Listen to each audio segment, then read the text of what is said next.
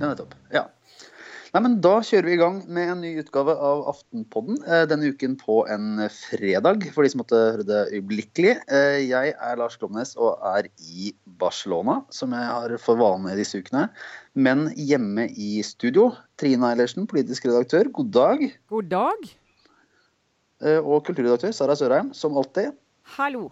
Veldig fint Hei. å være her på arbeidsplassen, og vi må bare beklage at eh, vi kommer en dag uh, seinere enn vi pleier.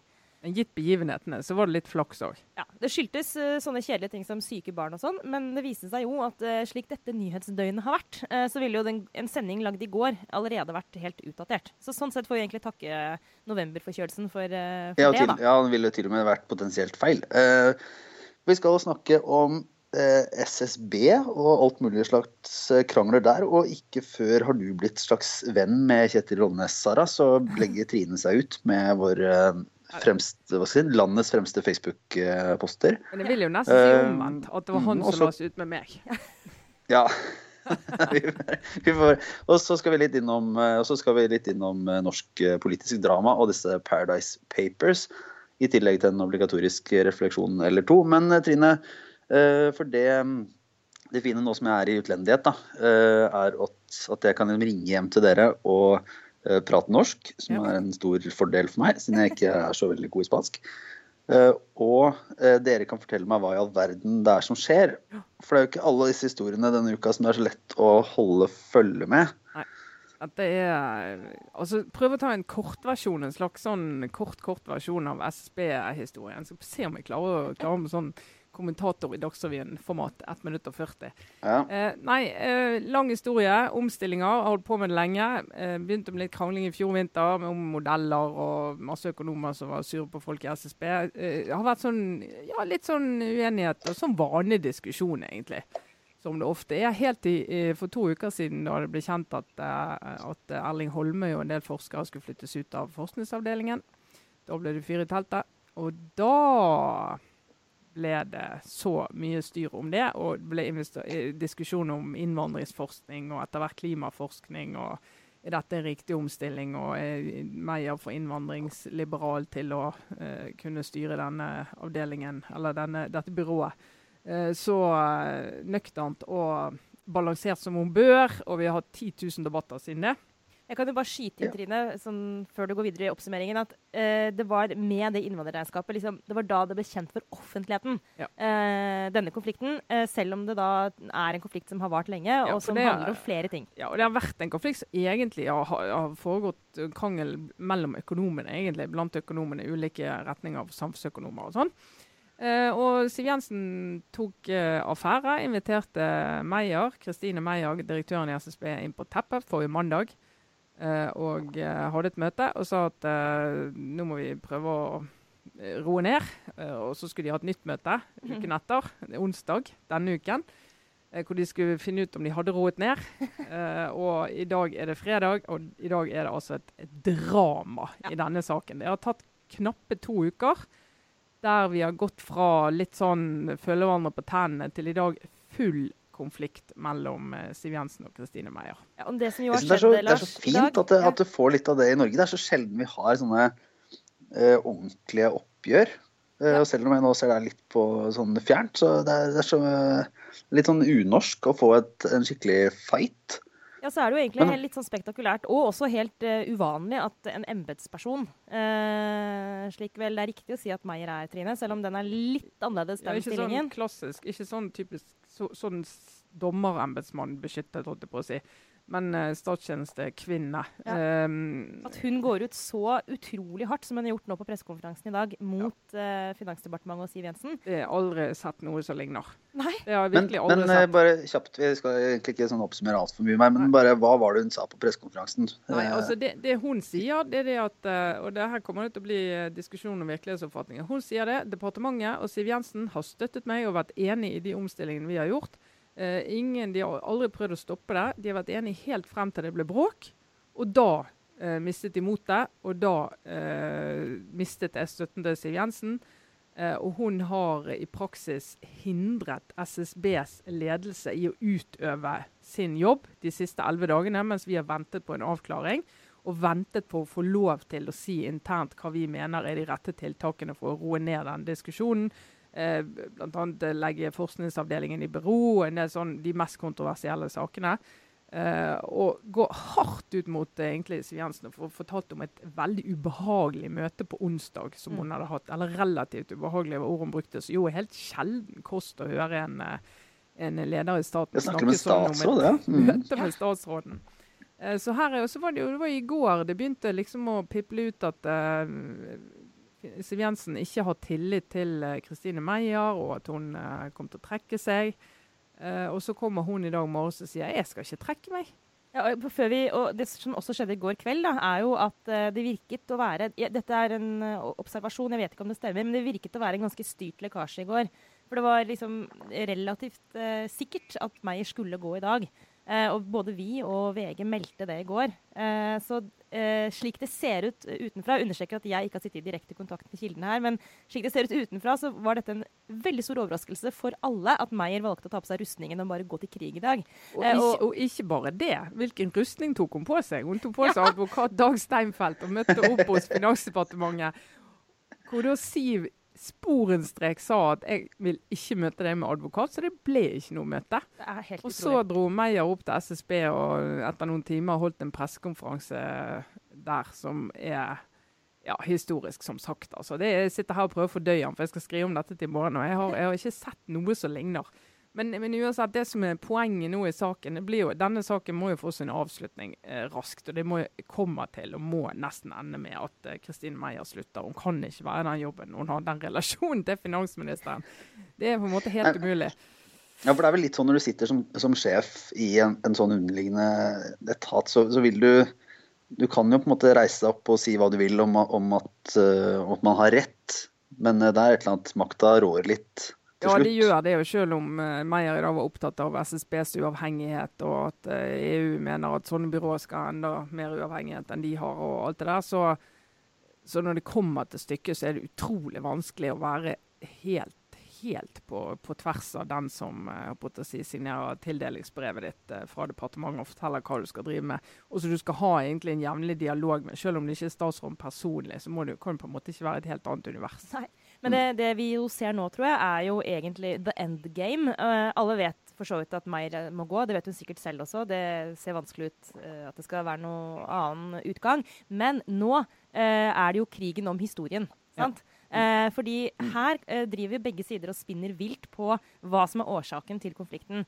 Eh, Meyer har i dag, og nå må du korrigere meg Trine hvis jeg refererer henne feil, men jeg så bare kjapt i forbifarten at hun var inne på det med at hun har blitt om hun sa det direkte eller hinta om det, at hun opplever seg utsatt for politisk press på dette mm. med innvandrerregnskap. Mm. Men der peker hun ikke direkte på Siv Jensen. Der var hun vag, eh, kanskje med vilje, men det eh, er jo litt problematisk å si det uten å være konkret. sant? Men da er jo, ikke sant, eh, En mulig teori er jo at hun har skjønt at hun har jo alt å vinne på å gjøre dette til en politisk konflikt. Mm. Eh, at, at, hun har blitt presset ut, det kommer hun veldig godt ut av. Altså Hun kan gå ut av den jobben og si at eh, jeg ble tatt på ureint vis. Eh, og det ble blanding av politikk og, og forvaltning. Mm. Eh, mens mitt inntrykk er at fra den siden som ønsker Meyer ut, så er den historien de gjerne vil ha ut, er at hun har vært en dårlig leder for SSB. At dette ikke handler om innvandrerregnskapet, men handler om at Kristine Meyer ikke har klart å få med seg folk i SSB, ikke har klart å lede den enormt viktige institusjonen profesjonelt nok, og at det er derfor hun må gå, og det er derfor ikke Siv Jensen har tillit til henne. Sant?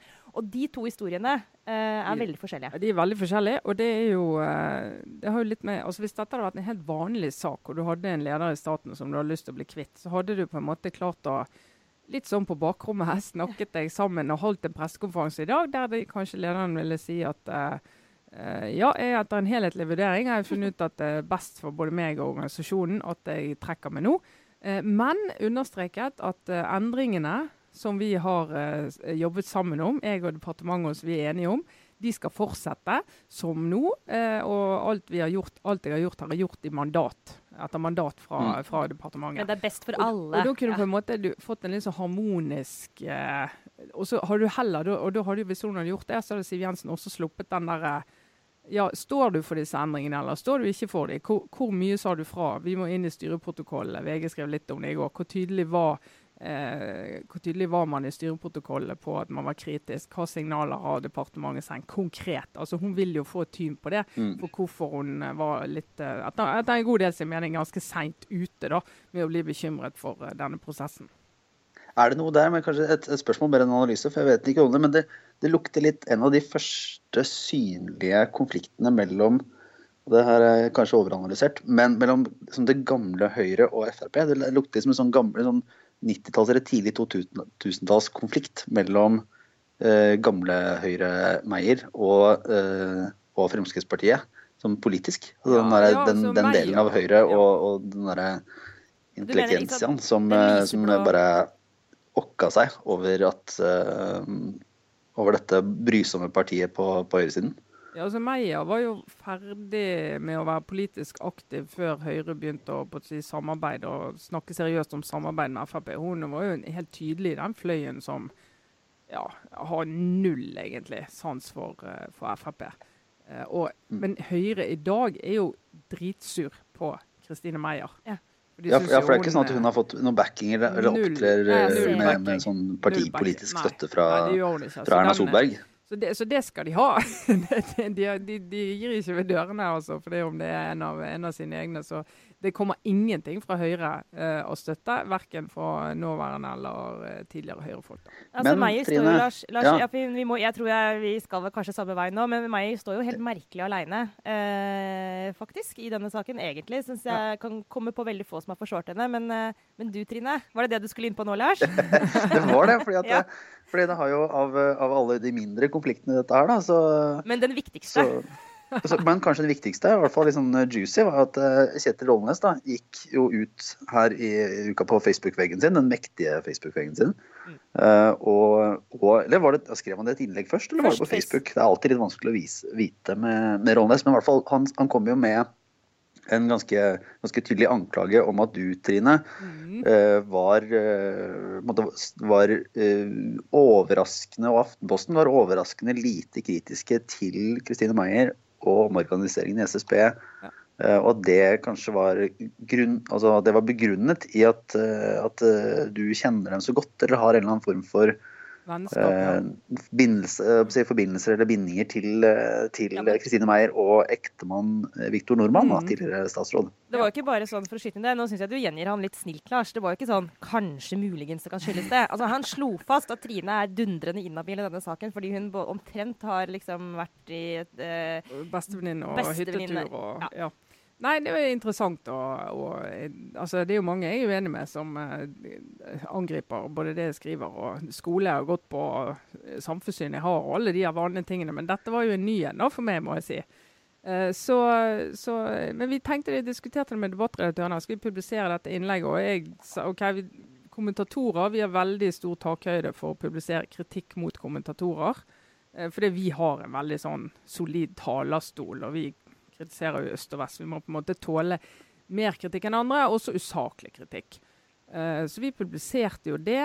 Uh, så går det an, så har vi også fått kritikk for at vi publiserte det. For jeg mener jo at uh, en del av det han skriver, det henger jo mildest talt ikke på greip. Jeg har svart han i dag i, i, Aftenposten digitalt på papir i morgen. og han mener jo å vite at Kristine Meyer og jeg oppholdt oss på Handelshøyskolen begge to samtidig på 90-tallet. Ergo er vi sikkert gode venninner og bekjente. Og eh, som jeg sier, jeg, ja, jeg var student, hun var stipendiat. Vi møttes ikke en eneste gang. Uh, og han mener at vi uh, er nære venner fordi at jeg var på Handelshøyskolen sin offisielle markering av 70-årsdagen til Victor Nordmann. Der eh, jeg og flere fra departementene og ja, akademia og masse sånn professorer fra inn- og utland. Det er sånn type sånn som de professorer har når de blir 70 år. og sånn, Så har de sånn symposium eller ja, Jeg har også lyst på symposium en gang. Kan du ordne det for meg? Jeg kunne godt tenkt meg det. Og det er jo sånn vi kjenner igjen litt fra politiske partier. Så partilederne inviterer, og ja, i media faktisk òg. Redaktører som blir 50 år og sånn. Det kommer jo alt mulig rekende forbi på 50-årsdagen. ja, Dykker fort opp en eller annen statsråd. Ja, det gjør jo det, uten, uten, at det på en måte gjør at vi er nære venner. Uh, og så har jeg da spilt Trivial Pursuit med Victor Nordmann én ja, Hvorfor det, egentlig? Ja, fortell mer om det. For det er jo Ja, og det, eh, er jo, det, har jo jeg nevnt i, i Dagens Næringsliv en gang at jeg gjorde. Og det har jo gitt eh, Kjetil Rollnes assosiasjoner til hytteturer og nærhet og vennskap. Og det var en eller annen sånn middagssituasjon i Bergen der det kom, der det kom opp. Og jeg skjønte jo med en gang at, ja, I et av de hemmelige Ja, bergensnettverkene som du er en del av? Ja. Veldig hemmelig. Eh, Jeg skjønte jo med en gang at dette kommer jeg jo ikke godt ut av der og da. Ja, ikke visste jeg at jeg skulle forfølge meg resten av livet. Ja. Ja, men det jeg lurer på, er hvem vant? Nei, det, Victor Nordmann vant alt unntatt rosa spørsmål. Ja. Ja, Han var kunnskapsrik, og jeg er jo mer sånn Ja, jeg husker ikke alle detaljene i alt sånt. Det var få spørsmål om perspektivmeldingen i Brune og grønne spørsmål eh, ikke 2002. Men altså for Ja, men, men, men det er sånn helt alvorlig, da. Så det, det klart det, det, gjør jo inntrykk å se hvor mange som går rundt og snakker om at jeg har vært i bryllupet til uh, Victor Normann og Stine Meyer. Så bare helt utenkelig for alle involverte at jeg skulle være der, og ingenting der å gjøre. Og liksom hvordan sånne historier vokser av seg sjøl, og hvordan sosiale medier gjør at det sprer seg. Uh, og det Kjetil Rollnes påstår, det sprer seg jo veldig. Og mange leser det jo ikke engang. Og du bare ser at du mister helt kontroll på den historien.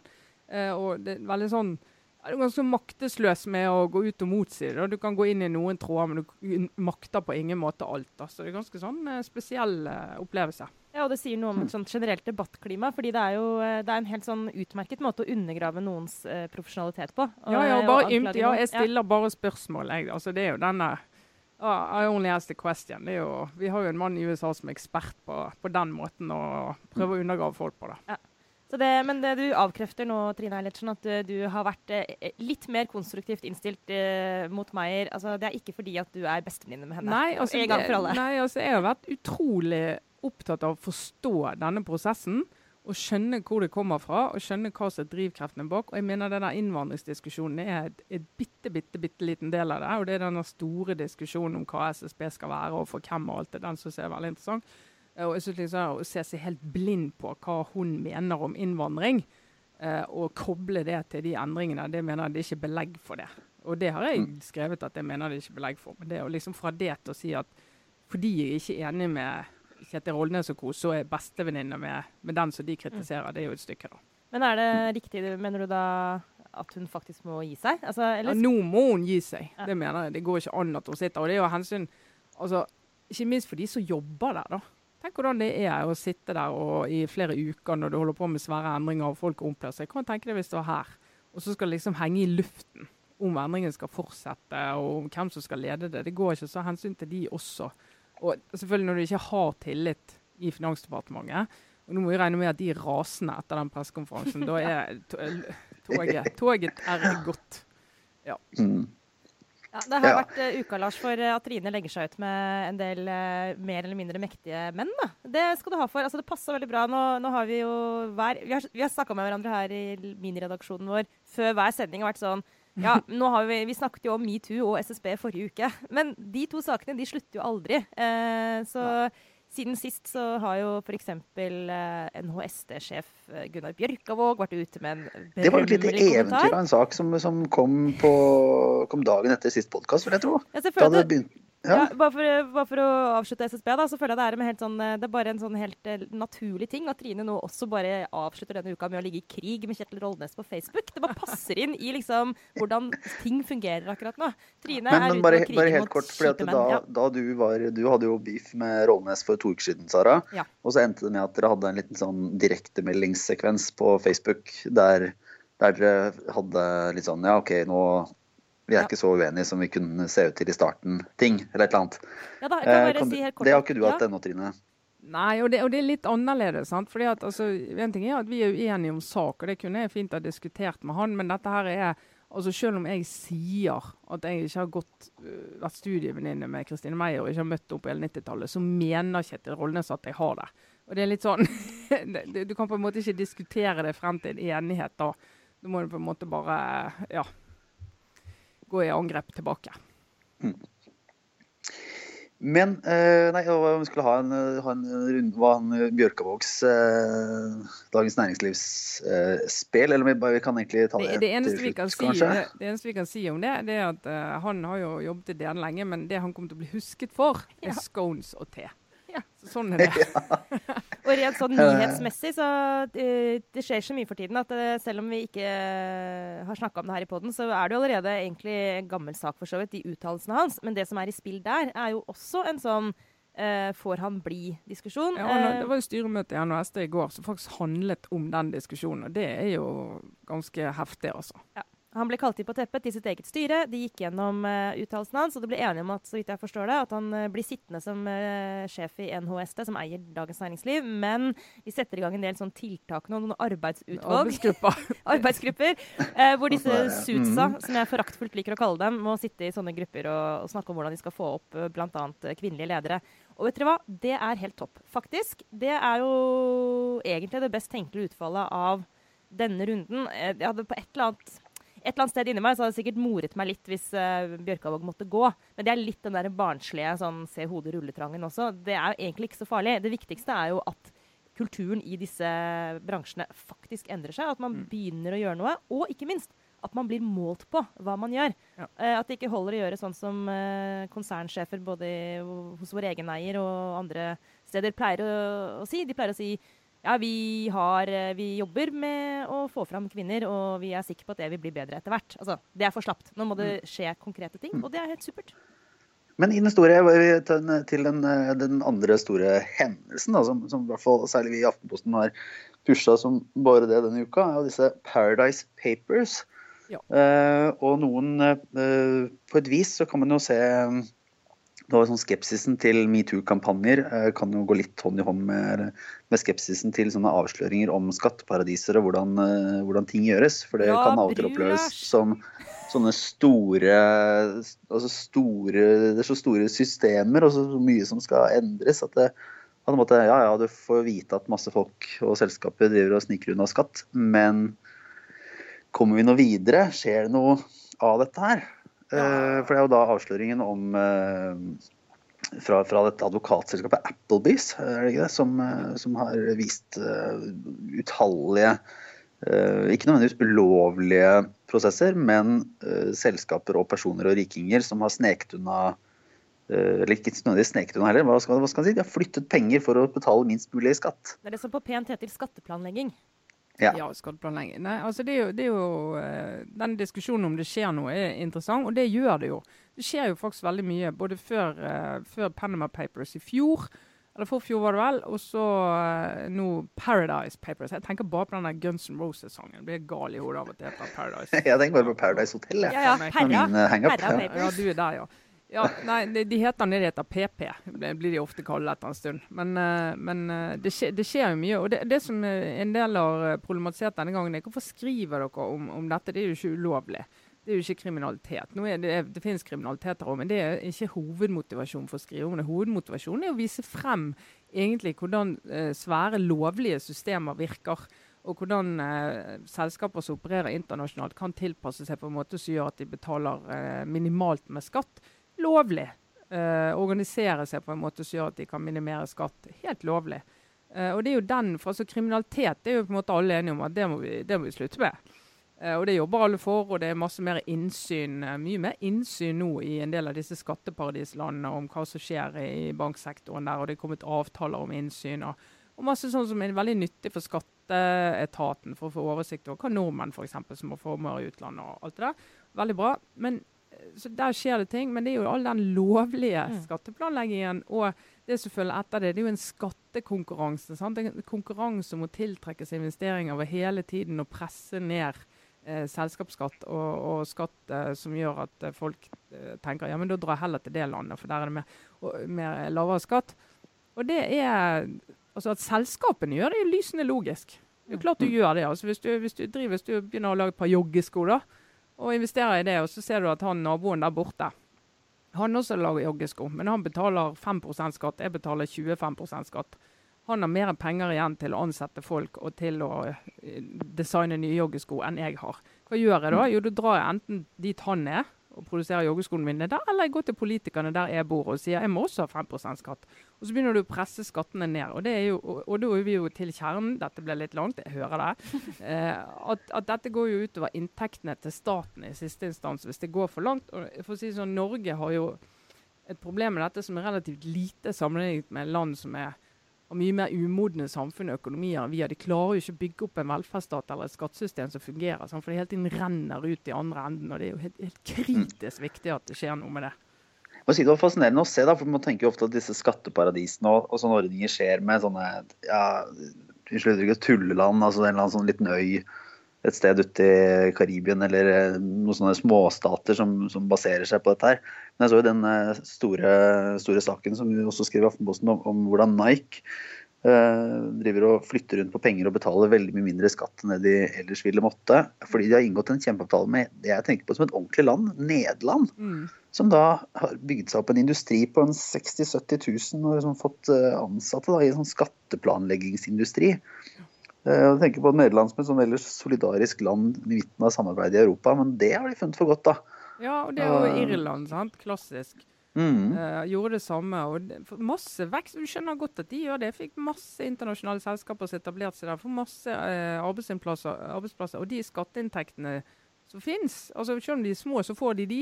Uh, og det er bedre enn ingenting for de. sånn at altså, Logikken for hvert enkelt samfunn og hvert enkelt eh, selskap er, er lysende. Men for, for helheten Totalen, ja. så, er det, så er det ikke farbar vei, da. Men det er jo også en diskusjon her om det er riktig å bruke så mye ressurser på å vise fram dette, i og med at veldig mye av det vi skriver om, ikke er ulovlig. Eh, men nå er du inne på begrunnelsen for det, Trine. Så Ja. det er jo faktisk ikke sånn at eh, målet med journalistikk er å påpeke ulovligheter. Jeg mener, Vi tar gjerne saker hvor vi kan arrestere folk for å ha brutt loven, det er ikke det. Men det er ikke det som er liksom vårt håper å si faktisk, vårt purpose. Vårt why? Vårt, vårt why. Men det er jo Politiet sitt why, det. ja, det er politiet sitt why.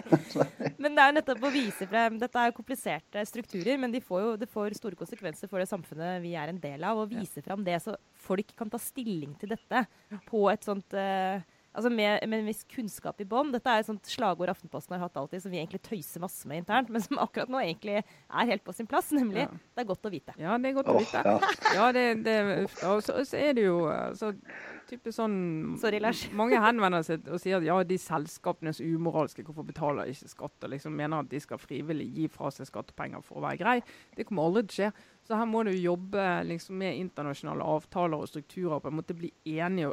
EU er jo en sånn makt som kan kan påvirke dette. Og Det har jo vært et par sånn, hva skal kalle det, dommer eller beslutninger i EU som, som faktisk har hatt betydning, der det sier at det landet der inntekten skapes, der annonsen selges, der skal inntekten beskattes. Mm. Uh, og de kan gjøre det, men klart Norge alene kan ikke gjøre det. Nei. Men i, eh, i norsk politikk, det er bare det jeg hører når jeg driver og så svinger innom norske aviser og nettaviser, så leser jeg nå stadig om disse oktoberbarna. Eh, Det er vel den store politiske kampsaken denne uka, som skal avgjøres eh, til uken. Ja. Som rett og slett er eh, bare helt, eh, helt kort, for det er, jo litt fyr i denne saken, særlig innad i Arbeiderpartiet, er det ikke det? Det er en utrolig kjip sak for dem, rett og slett. Er det Ja, ikke det, det, det er det. Og innvandring har alltid vært vanskelig for Arbeiderpartiet. Eh, Men det dreier seg om, da, om hva som skal skje med eh, en, altså enslige mindreårige asylsøkere som har fått midlertidig opphold i henhold til den nye asylavtalen, som et bredt flertall på Stortinget stilte seg bak. Ja. Eh, og så skjønner jeg ikke helt, men det er min ord, for det er så mange som fyller 18 i oktober. Eh, men det er i hvert fall, i hvert fall dekket at, at det er jo fryktelig mange som forsvinner fra mottak og rømmer ned i Europa. og mm, eller da altså, bli sendt tilbake til Afghanistan, til områder som regnes sikre og trygge av norske myndigheter, men ikke nødvendigvis av andre. Mm. Og så såkalt internflukt, at du kan bli sendt til et område der du ikke har, vært før, eller ikke har familie, og, ja, og at Norge er et av de landene som driver med det, mens mange andre land ikke gjør det. Ja. Men er ikke dette Og, egentlig en eh, sånn sak, Lars, som er sånn S- typisk Mm. Eh, men litt sånn klassisk i norsk innvandringsdebatt. At det er, en, det er en sak som får mye oppmerksomhet, men det er egentlig politisk sett ikke så stor uenighet om det som man skulle tro ut fra debatten. Eh, det er vel egentlig bare SV som er sånn helt tydelig eh, på andre siden av streken her.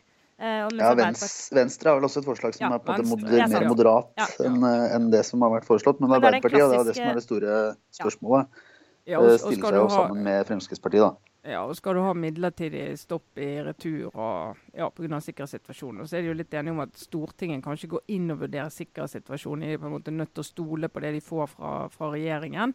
Eh, men så er det jo denne gruppen da, av eh, flere tusen eh, unge enslige asylsøkere. Veldig mange av de får jo opphold på humanitært grunnlag eller fordi de har krav på beskyttelse. altså veldig mange av de blir jo her, så er det en bitte, bitte liten gruppe nå på et par hundre stykker som, eh, som skal ut da, når de blir 18 år pga. midlertidigheten. Og den midlertidigheten har jo vært diskutert helt siden, eh, helt siden Stoltenberg-regjeringen innførte den i 2009, som er en innstramming den gangen. Det var da SV tok dissens. Det kan de jo nå stå med rak rygg og si dette har vi alltid ment.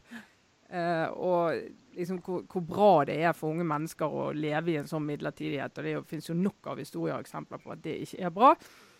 Og så er det, Men hva er alternativet? da? Skal alle få opphold? Eh, skal, eh, skal, vi sende alle tilbake? Barnekonvensjonen sier nei til det. Så her står jo liksom dilemmaene i kø. Og de dilemmaene blir veldig synlige i et parti som Arbeiderpartiet. Men også Senterpartiet har begynt litt å kjenne på at dette ikke er så lett. Mm. Vi um, kan vel kanskje nesten slå fast at både Senterpartiet og Arbeiderpartiet kan være glad for at denne SSB-saken kommer nå. Den, ja. den overskygger jo omtrent ja, alt annet. Ja, Tar mye oppmerksomhet.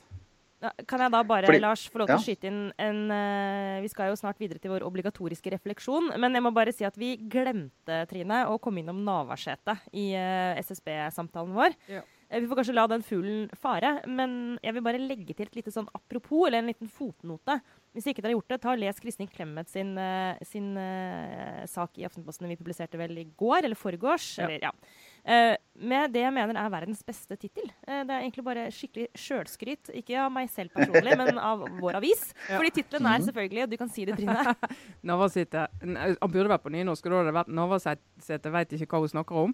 Men den er på bokmål, dessverre. Navarsete ja. vet ikke hva hun snakker om. Men det er jo en vittig hilsen til ja, Men, men bare helt, helt, avslutningsvis på, på den. Uh, det, altså Oslo Ap og Bergen Ap, eller Hordaland Ap, flere har, har bedt Eh, partiet må snu, men det ser ikke ut til at Arbeiderpartiet gjør det. Så da blir det ja, fullt, som regjeringen vil. Fullt opprør i, i Arbeiderpartiet på grasrota rundt i landet.